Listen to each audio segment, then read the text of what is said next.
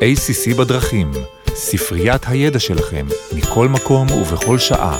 תודה שהצטרפתם אלינו ל-ACC בדרכים, סדרת הפודקאסטים של ה-ACC. ACC הוא ארגון היועצים המשפטיים הפנימיים בישראל. אני עורכת דין מירב לשם, והיום אני מארחת את עורכת דין גל ארד כהן ממשרד שינורוביץ ושות'. גל שותפה במחלקת ההייטק של המשרד ומובילה את תחום הבלוקצ'יין, הקריפטו והנכסים הדיגיטליים של המשרד. העולם הזה הוא עולם מורכב, וגל והצוות שלה מסייעים ללקוחות שלהם לגבש פתרונות משפטיים למוצרים מבוססי בלוקצ'יין, שעומדים בדרישות החוקיות והרגולטוריות ברחבי העולם, ולכל מקום יש את הכאב שלו.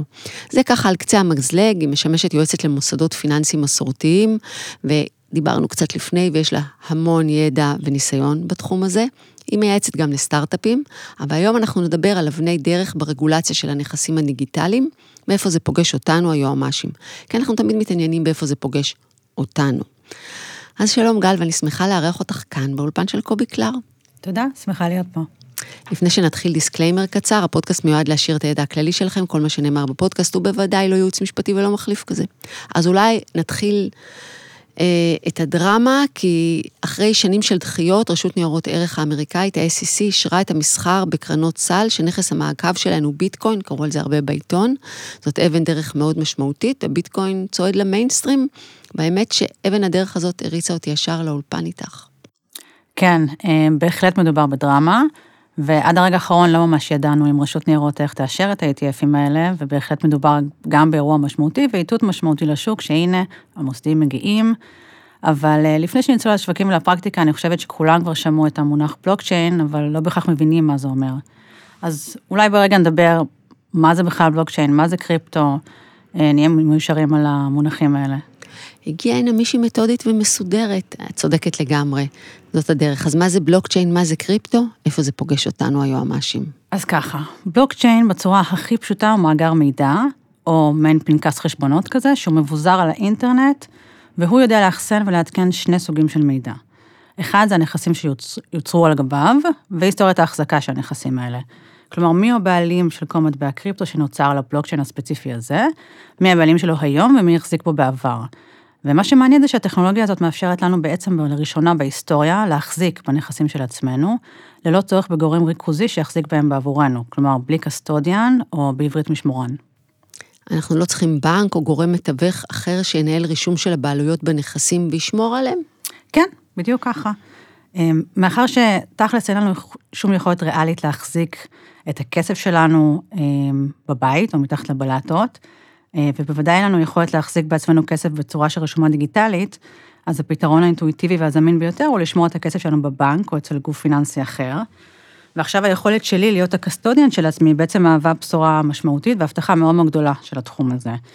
בין היתר מכיוון שכך אפשר להפחית או אפילו לבטל מה שנקרא סיכון צד שלישי או custody risk.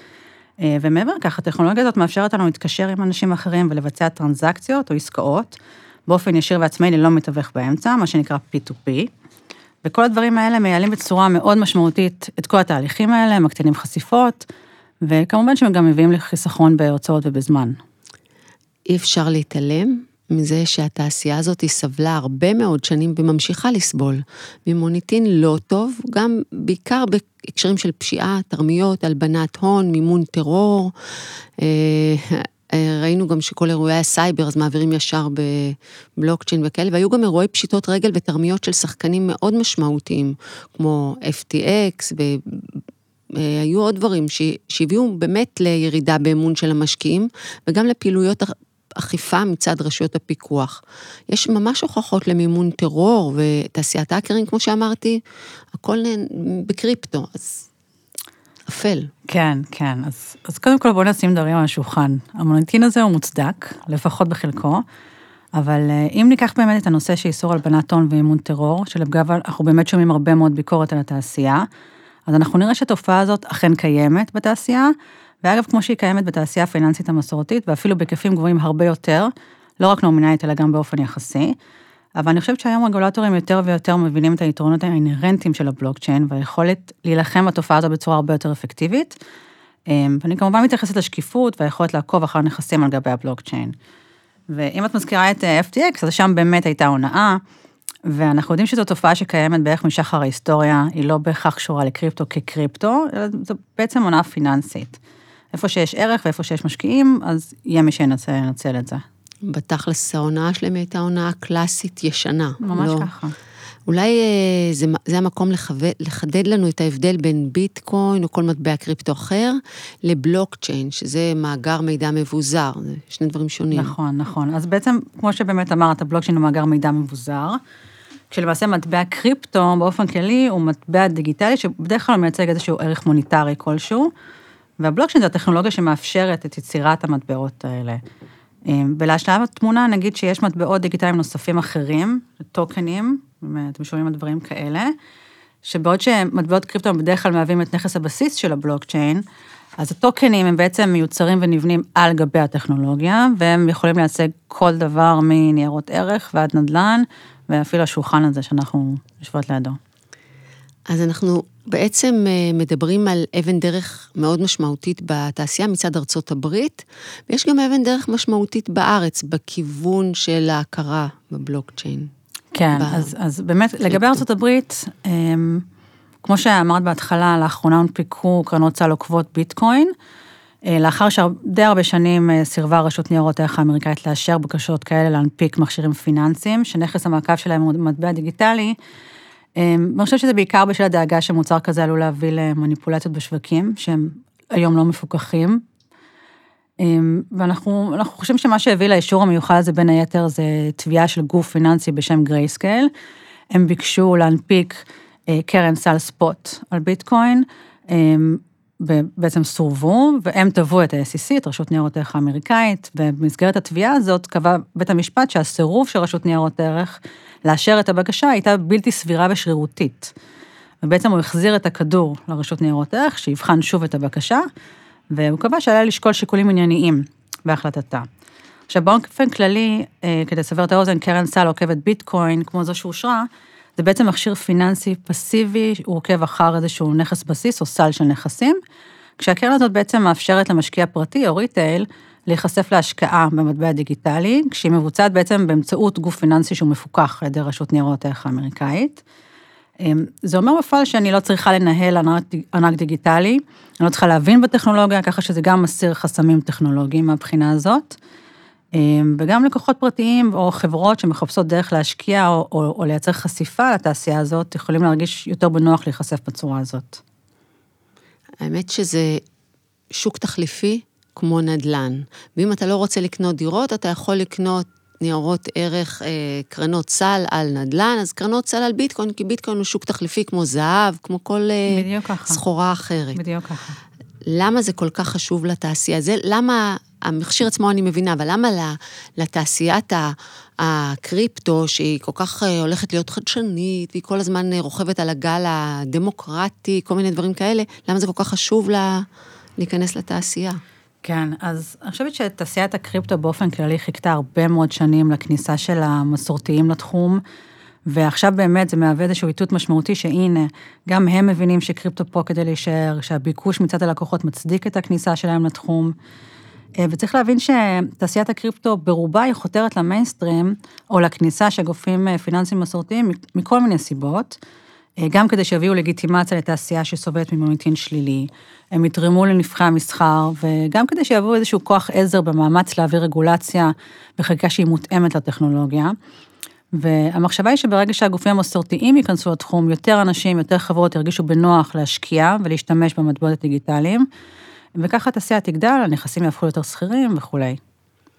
זה תמיד ככה ברגולציה, אתה, הכסף בורח למקומות שאין רגולציה, ואז הרגולטור שם עין, וגם השוק החדש רוצה את החיבוק של המיינסטרים ושואף להגיע לשם. אני חושבת אבל שזה מאוד, זה מאוד טריוויאלי, בטח לאור כל האירועים שראינו לאחרונה, כל הפשיטות רגל והתרמיות, אז זה בעצם הדרך של התעשייה להביא ללגיטימציה, זה הדרך של התעשייה לקבל איזושהי ודאות, כי זה לא פשוט לפעול, להיות חברת קריפטו, להיות סטארט-אפ במקום שאתה, אין לך ודאות, שאתה לא יודע בדיוק באיזה מקומות אתה נמצא, מה חל עליך, מה לא חל עליך, מתי אני צריך רישיון, מתי לא, באיזה מדינה מותר לי לפעול.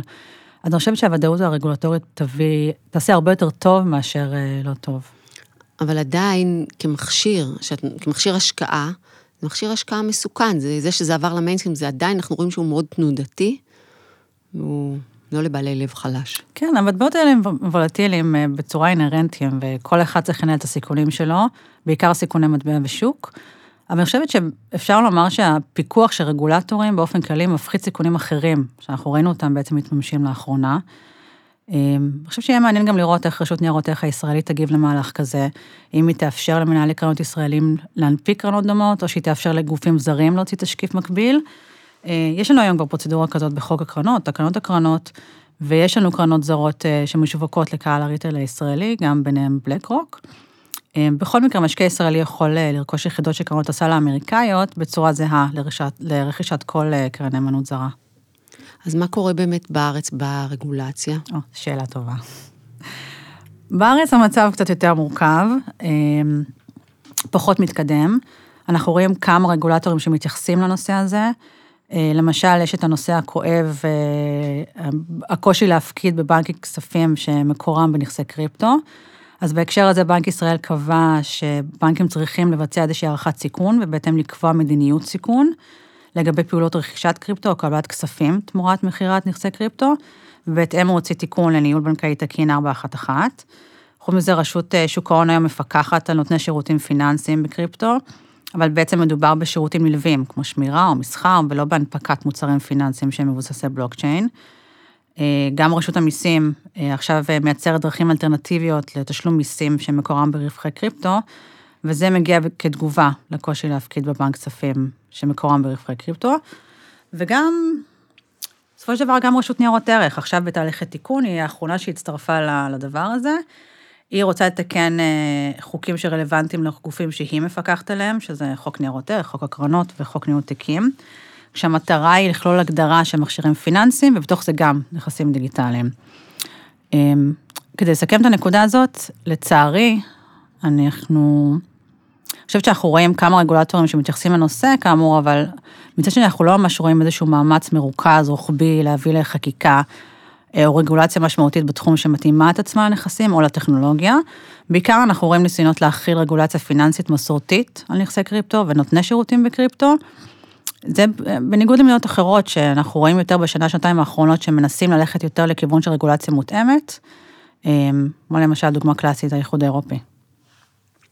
אז אה, אחרי שמיפינו ככה את הכיוונים, את אבני הדרך הגדולות, אנחנו בפודקאסט יועמ"שים פרקטי, איפה זה יכול לפגוש אותנו כיועצים משפטיים של חברות? כן, אז אם אני היום יועצת משפטית פנימית בחברה שמעוניינת לפתח מוצר או שירות שהוא מבוסס בלוקצ'יין, אז אני חושבת שהייתי רוצה לבחון כמה דברים, עוד בשלב בדיקת ההיתכנות, שזה מאוד מאוד חשוב, כי כמו שאנחנו יודעים, תהליכים כאלה יכולים אה, להסתבך, ואני רוצה לבנות תהליך או מוצר בצורה שתביא בחשבון גם את ניהול הסיכונים שנכון עבורי, לחברה שלי, תביא בחשבון את התיאבון לסיכון לחברה שלי, זה לפני שאנחנו מתקדמים הלאה. אז מה בעצם כדאי לבחון לפני שאנחנו יוצאים לדרך? בגדול אנחנו נרצה לייצר איזשהו סקר סיכונים, למפות הסיכונים שרלוונטיים אלינו ולייצר איזושהי תוכנית להפחתה לסיכונים האלה. אה, ואני אתן פה כמה דוגמאות מה צריך לכלול סקר כזה, ככה ב-high level, כי אנחנו נרצה להתאים לכמה שיותר סוגים של חברות או מוצרים. אז דבר ראשון, הייתי רוצה לבדוק האם המוצר או השירות שאני רוצה לבנות, הוא נדרש באיזושהי רגולציה מסוימת. בין היתר זה נכון לגבי, אה, בהתאם לקהל שאנחנו מכוונים אליו, או למדינה הרלוונטית שבה אנחנו נפעל. ובהתאם לתוצאה אנחנו רוצים לבדוק האם שינוי מסוים במוצר או בשירות יכול להפחית סיכון רגולטורי מסוים, ואם זה בכלל משהו שהמוצר או השירות יכול להכיל. עכשיו, יועצים משפטיים פנימיים יודעים שלפעמים יש אה, מרחק בין הרצון שלנו להיות בסיכון נמוך, לבין מה שהשטח יודע להכיל, ובסוף זה משחק של ניהול סיכונים. למשל, יכול להיות שאנחנו נרצה לפנות לקהל המדינה מסוימת כדי להימנע מכניסה לתכולה של רגולציה מסוימת. יכול להיות שאנחנו נביא את המוצר בצורה מסוימת, אמ, וגם יכול להיות שלא נרצה לשנות שום דבר ולציית לרגולציה שתחול עלינו, וזה משהו שיצריך מאיתנו איזשהו תכנון מראש. אה, ובמקומות שהם אולי קצת אפורים, אנחנו נחליט איזה סיכונים הם סבירים מבחינתנו ואלו פחות. דבר שני, אם אנחנו רוצים להשתמש בספק כלשהו כדי להציע את המוצר או את השירות, וזה תרחיש די סביר, בין אם זה ספק שייתן לנו תשתית למוצר או לשירות, או שזה בכלל מדובר בנניח ספק שדרכו ממש נציע את השירות. אני רוצה לעשות איזשהו דו דיליג'נס מאוד מעמיק על הספק הזה, לבדוק איפה הוא פועל, אם הוא דרוש ברישיון או ברגולציה מסוימת, אם כן, באיזו מדינה, ומה רמת הציות שלו לרגולציה ולחוקים. איזה סוגים של ספקים בעצם אה, את מדברת? זה יכול להיות ספק אה, תשתית כמו ארנק, או custodian, סליקה, בורסה, זה יכול להיות הרבה דברים, או ספק compliance. אני פשוט מנסה ככה ל... להדגים, ושאני אוכל אה, להבין את הדברים. זאת אומרת, מבחינת רגולציה, מבחינת סיכוני רגולציה, יש בוודאי אה, אה, סיכונים של פרטיות, סיכונים של סליקה, איזה עוד רגולציות, אה, יש רגולציות ספציפיות שעשו, ל, שמדינות מסוימות אה, השיתו על, אה, על התעשייה הספציפית הזאת. Mm-hmm. זה בגדול אה, רגולציות שהן דומות לתעשייה הפיננסית. כן, זה, אנחנו מדברים על אה, מישהו שהוא יכול להציע מוצר שהוא ייחשב כ-money transmission, כלומר העברה של ערך ממקום למקום, ואז אני אדרש באיזושהי רגולציה. יכול להיות שאני אצטרך איזשהו ארנק או קסטודיאן כדי להחזיק את הנכסים עבור הלקוחות שלי, או שאני בכלל אציע להם ארנק שהוא, שהוא non-custody. איסור הלבנת הון, זה כמובן רגולציה שהיא כללית וחלה גם על מי שהוא לא מוסד פיננסי. אז יש הרבה דברים שאנחנו כנראה נשתמש בספקים, ואני חושבת שזה יותר רלוונטי לספקי תשתית, כמו ארנק למשל. ו-KYC וכאלה אין? אז זה תלוי במוצר, זה מאוד מאוד יכול להיות, זה תלוי מה המוצר שלי.